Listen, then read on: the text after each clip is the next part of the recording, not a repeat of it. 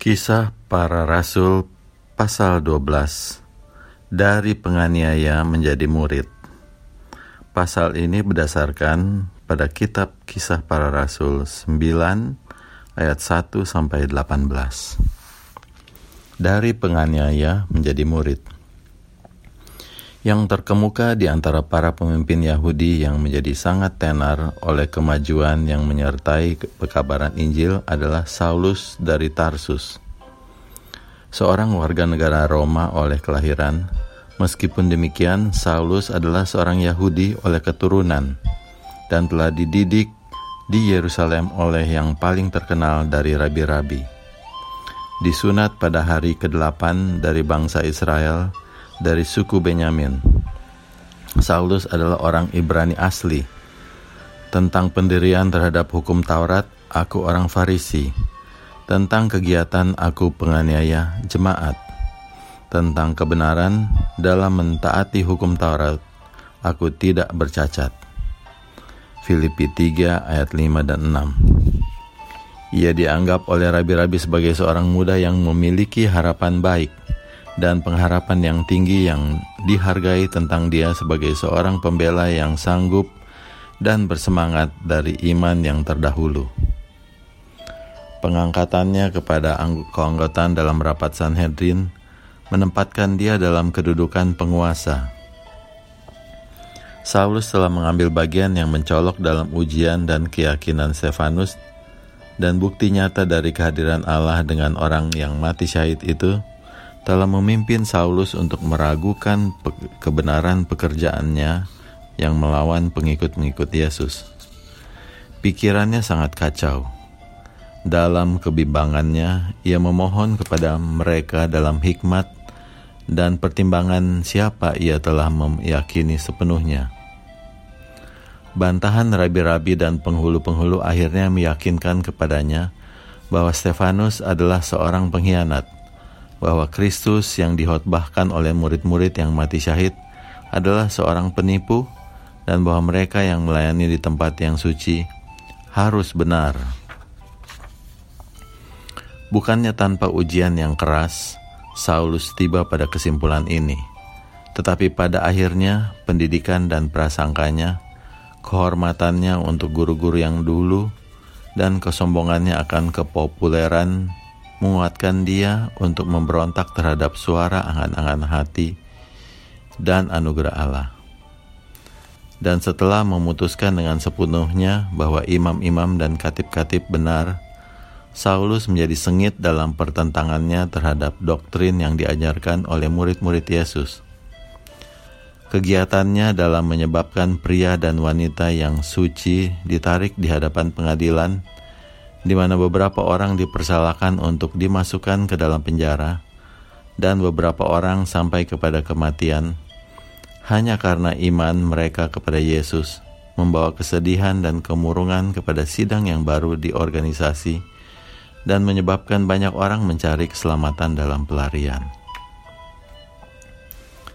Mereka yang diusir dari Yerusalem oleh penganiayaan ini menjelajah seluruh negeri itu sambil memberitakan Injil. Kisah 8 ayat 4. Dan di antara kota-kota ke mana mereka pergi, termasuklah Damsyik, di mana iman yang baru itu memperoleh banyak orang bertobat.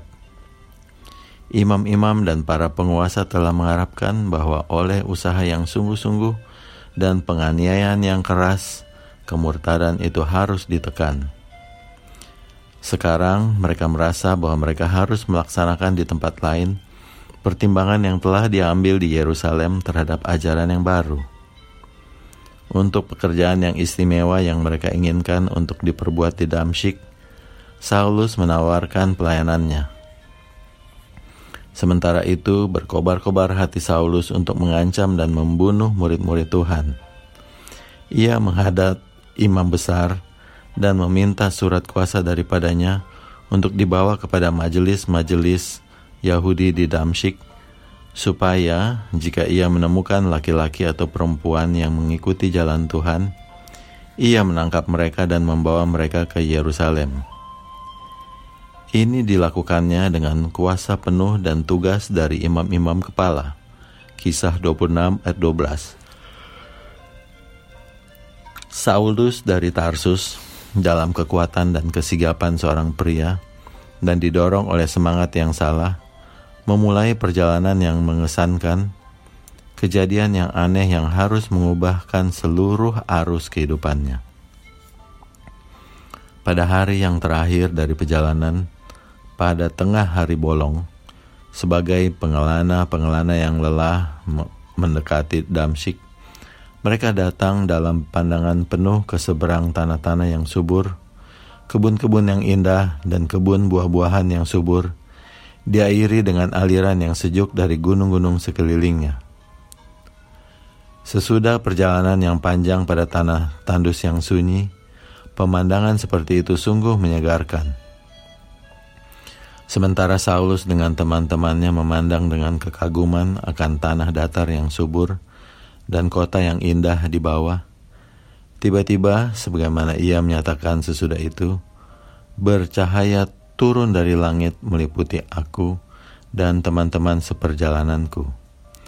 Pada tengah hari bolong, aku melihat di tengah jalan itu cahaya yang lebih terang daripada cahaya matahari Kisah 26 ayat 13 Terlalu mulia untuk mata yang fana menahannya. Dibutakan dan bingung, Saulus jatuh tersungkur ke tanah. Sementara terang terus bersinar di sekeliling mereka, Saulus mendengar suatu suara yang mengatakan kepadaku dalam bahasa Ibrani, Saulus, Saulus, mengapa engkau menganiaya aku? Sukar bagimu menendang ke galah rangsang.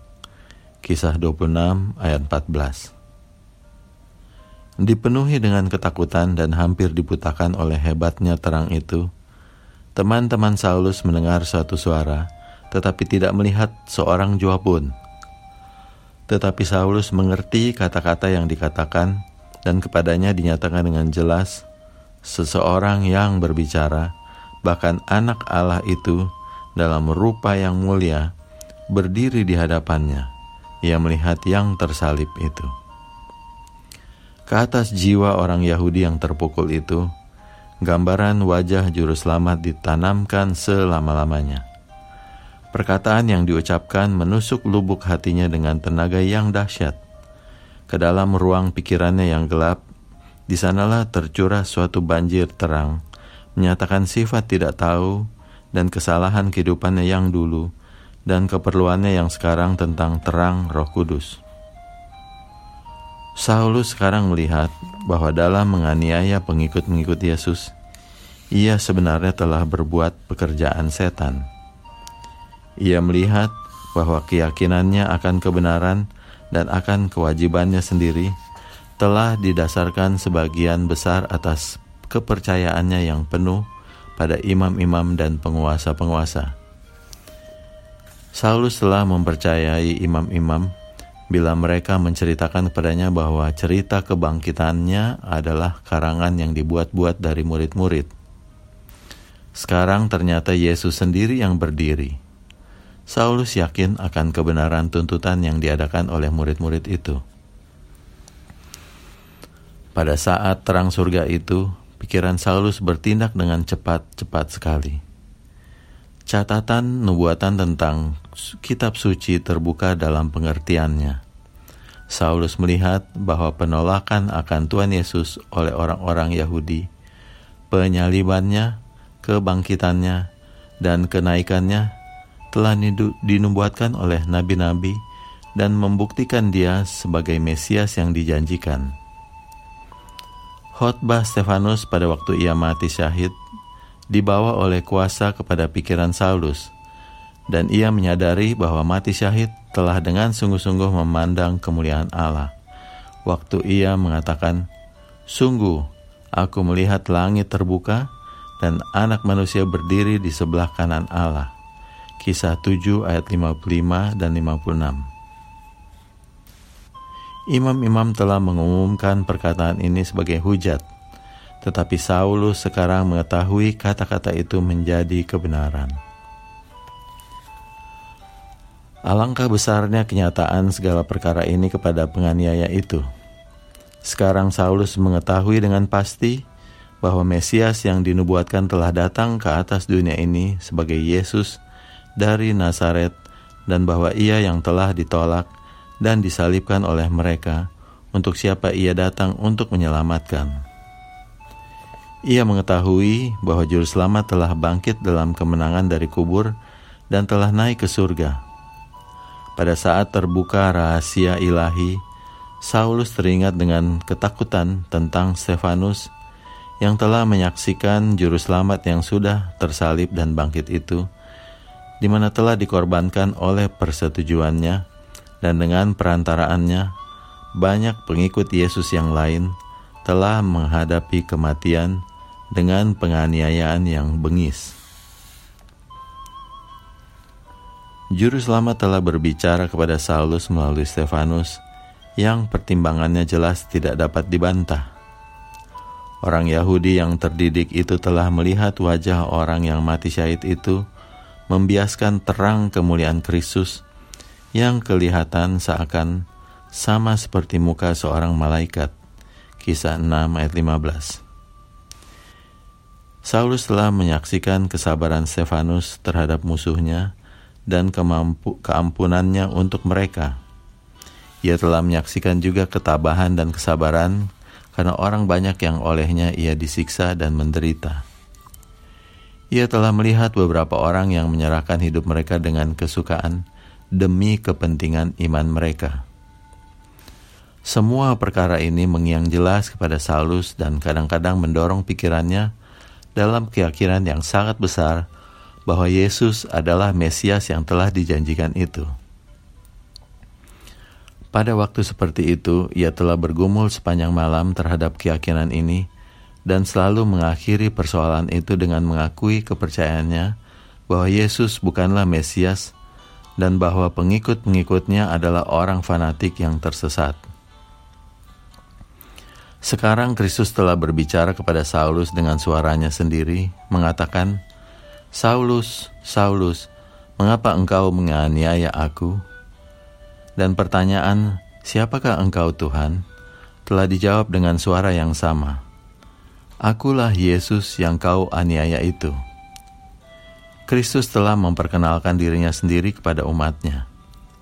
Dalam menganiaya pengikut Yesus, Saulus secara langsung telah melanggar terhadap Tuhan di surga.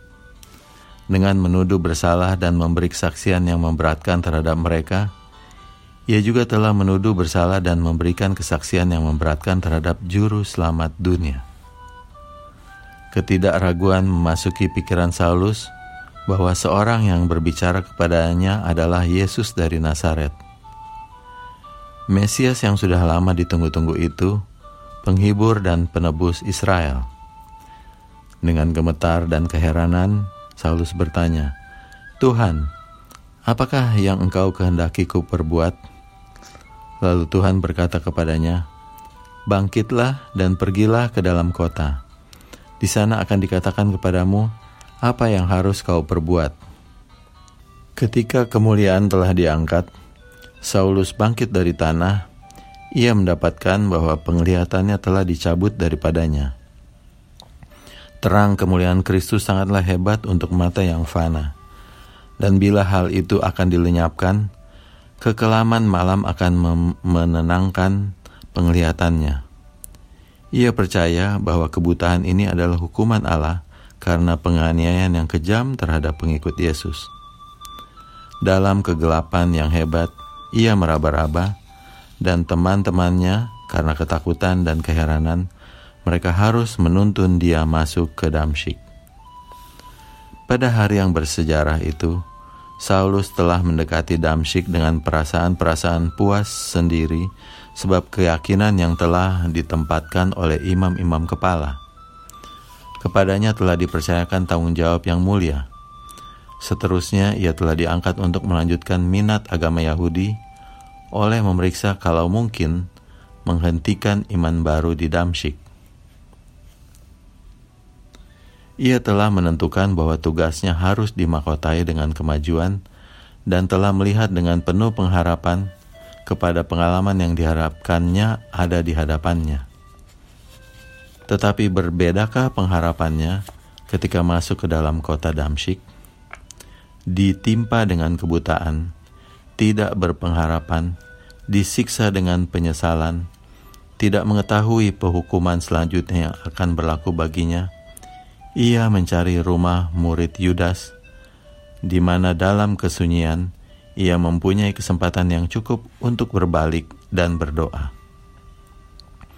Selama tiga hari, Saulus tidak dapat melihat, dan tiga hari lamanya ia tidak makan dan minum. Hari-hari kesedihan jiwa ini baginya adalah bagaikan bertahun-tahun. Berkali-kali ia teringat dengan kesedihan jiwa, peran yang dibawanya di dalam kematian Stefanus dengan kengerian, ia memikirkan kesalahannya dalam membiarkan diri sendiri dikendalikan oleh kebencian dan prasangka dari imam-imam dan penguasa-penguasa. Meskipun saat itu wajah Stefanus diterangi oleh cahaya surga. Dalam kesusahan dan roh yang hancur, ia menghitung berulang kali ia telah menutup mata dan telinganya terhadap bukti-bukti yang sangat mencolok dan telah mendesak dengan tidak menaruh belas kasihan terhadap penganiayaan orang-orang yang percaya kepada Yesus, orang Nazaret. Hari-hari penyelidikan diri yang seksama ini dan kerendahan hati telah digunakan di tempat yang sunyi. Orang-orang percaya yang telah diberikan amaran tentang maksud Saulus datang ke Damsyik takut bahwa ia dapat melakukan suatu tindakan dengan maksud agar ia lebih sedia untuk menipu mereka, dan mereka menjauhkan diri menolak dia dari rasa simpati mereka. Ia tidak mempunyai kerinduan untuk bersuruh kepada orang-orang Yahudi yang tidak bertobat, dengan siapa ia telah merencanakan untuk bersatu dalam menganiaya orang-orang percaya. Karena ia mengetahui bahwa mereka tidak mendengar akan ceritanya, Demikianlah tampaknya ia diputuskan dari segala simpati manusia. Pengharapan satu-satunya akan pertolongan ialah dalam Allah yang maha murah dan kepadanya ia berseru dalam kehancuran hati. Selama jam-jam yang panjang, bila Saulus terkurung dengan Allah sendirian, ia teringat akan banyak kutipan dari kitab suci yang menunjuk kepada kedatangan Kristus yang pertama kalinya. Dengan teliti ia mengikuti nubuatan dengan suatu ingatan yang dipertajam dengan keyakinan yang telah menguasai pikirannya. Sementara ia membiaskan maksud nubuat-nubuatan ini, ia heran melihat kebutaan pengertiannya yang dulu itu dan pada kebutaan orang-orang Yahudi pada umumnya yang telah memimpin kepada penolakan akan Yesus sebagai Mesias yang dijanjikan kepada penglihatannya yang telah diterangi, semuanya tampak jelas sekarang. Ia mengetahui bahwa prasangka dan kurang percayanya yang dulu telah mengelabui pengertian rohaninya dan telah menghalangi dia dari melihat nubuatan dalam Yesus, orang Nazaret Mesias itu. Sementara Saulus menyerahkan diri sepenuhnya kepada kuasa Roh Kudus yang meyakinkan, ia melihat kesalahan dari kehidupannya dan mengenal tuntutan-tuntutan yang luas dari hukum Allah. Ia yang menjadi orang Farisi yang sombong, yakin akan pembenaran oleh perbuatannya yang baik, sekarang tunduk di hadapan Allah dengan kerendahan dan kesederhanaan seorang anak kecil, mengaku ketidaklayakannya sendiri, dan memohon jasa juru selamat yang telah tersalib dan bangkit itu.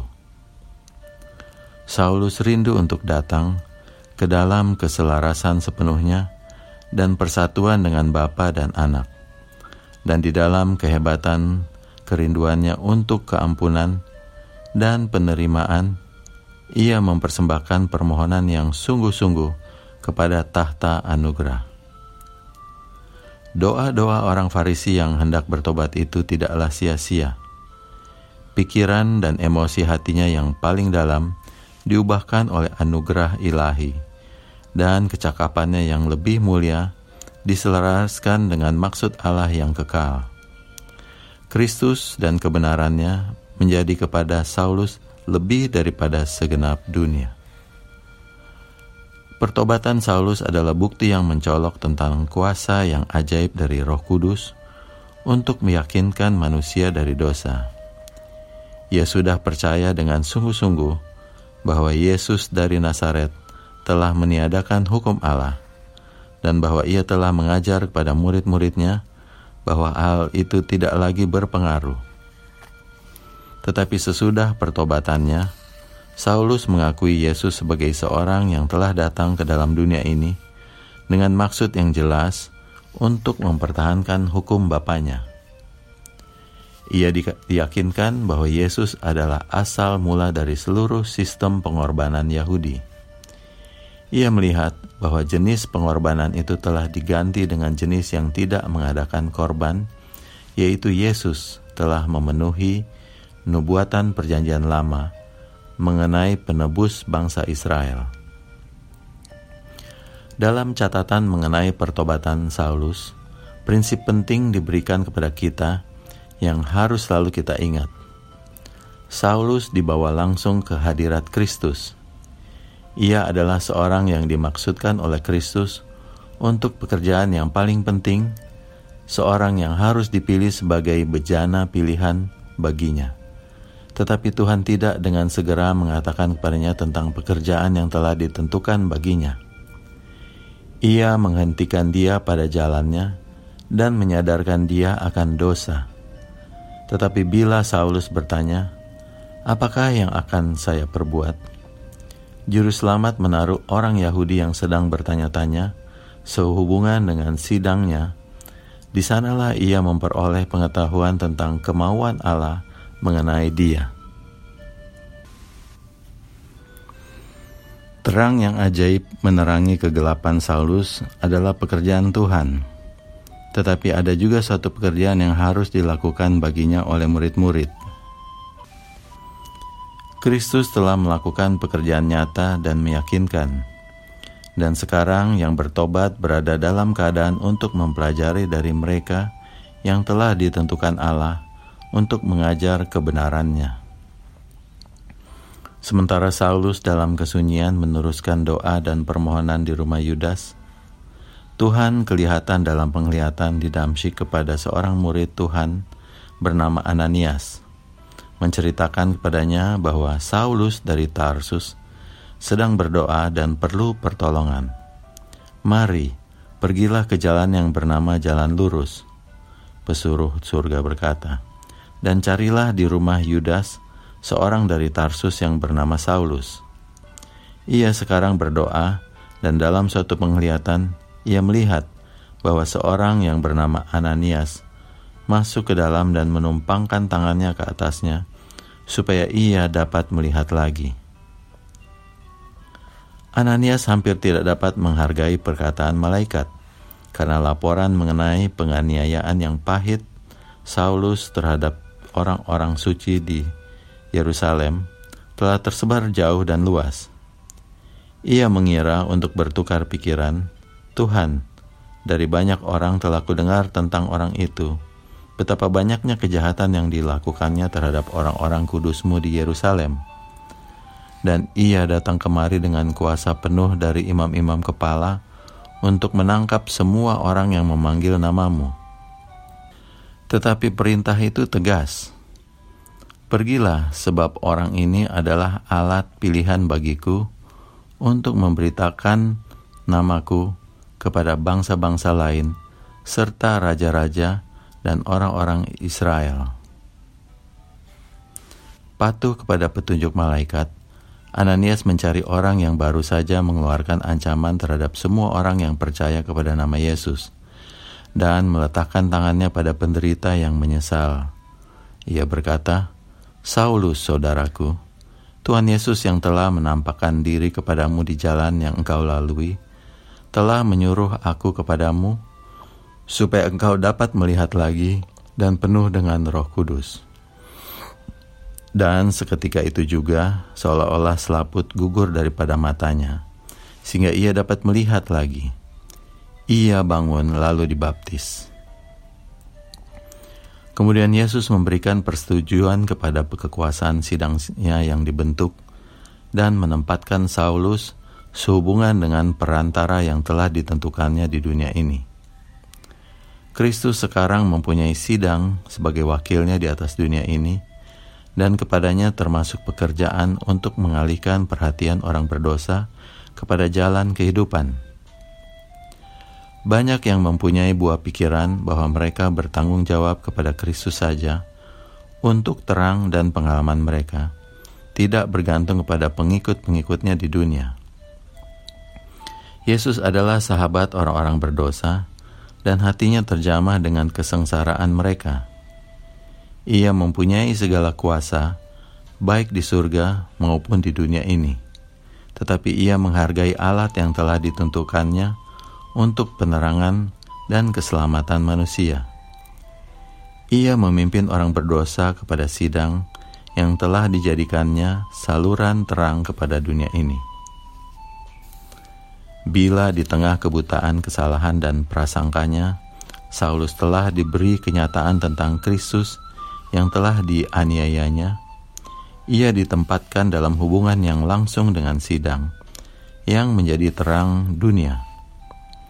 Dalam hal ini, Ananias mewakili Kristus dan juga mewakili pendeta-pendeta Kristus di dunia ini yang ditunjuk untuk bertindak sebagai penggantinya. Dalam tempat Kristus, Ananias menjamah mata Saulus supaya ia dapat menerima terang. Dalam tempat Kristus, Ananias menempatkan tangannya kepadanya, dan sementara ia berdoa dalam nama Kristus, Saulus menerima Roh Kudus. Semuanya dilakukan dalam nama dan kuasa Kristus. Kristus ialah mata air sidang itu menjadi saluran dan komunikasi. Kisah para Rasul 12 Dari penganiaya menjadi murid